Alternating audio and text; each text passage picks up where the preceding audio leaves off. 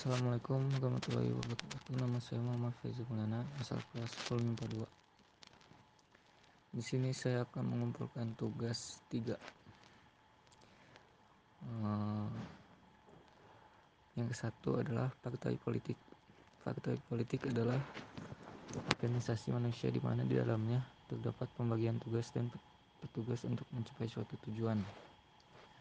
Perkenalannya sebagai representasi ide dari masyarakat itu mewakili segala hal yang berkaitan dengan kepentingan warga. Contohnya adalah duduknya satu duduknya para wakil rakyat di DPR yang sebagian adalah orang-orang yang berasal dari partai politik.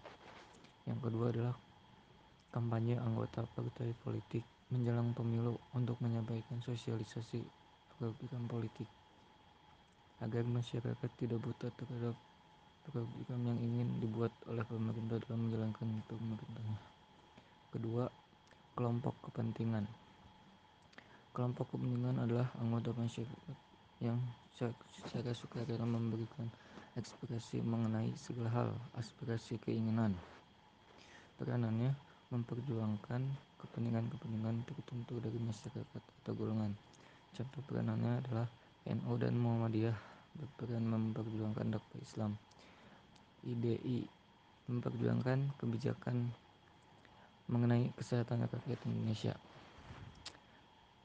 Tiga, aksi demo masyarakat menuntut penurunan harga BBM atau biaya pendidikan.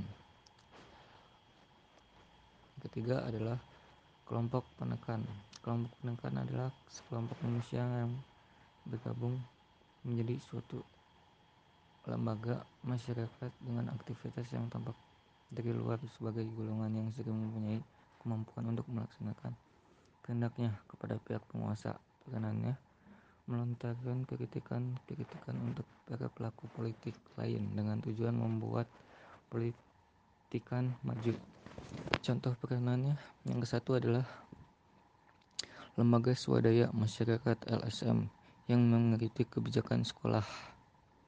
Kedua, organisasi lingkungan hidup yang aktif mengampanyekan pemeliharaan lingkungan dan mengkritisi kebijakan pemerintah yang kurang ramah lingkungan. Dan keempat adalah media komunikasi politik. Media komunikasi politik adalah salah satu instrumen politik yang berfungsi menyampaikan informasi mengenai politik baik dari pemerintah kepada masyarakat maupun sebaliknya. Peranannya membantu pembentukan memori publik melalui penyampaian informasi yang menambah pengetahuan masyarakat. Dua, membantu menyusun agenda kehidupan yang berhubungan dengan politik dan kepentingan umum. Tiga, menjadi fasilitator yang membantu mediasi antara aktor politik dengan aktor politik lainnya.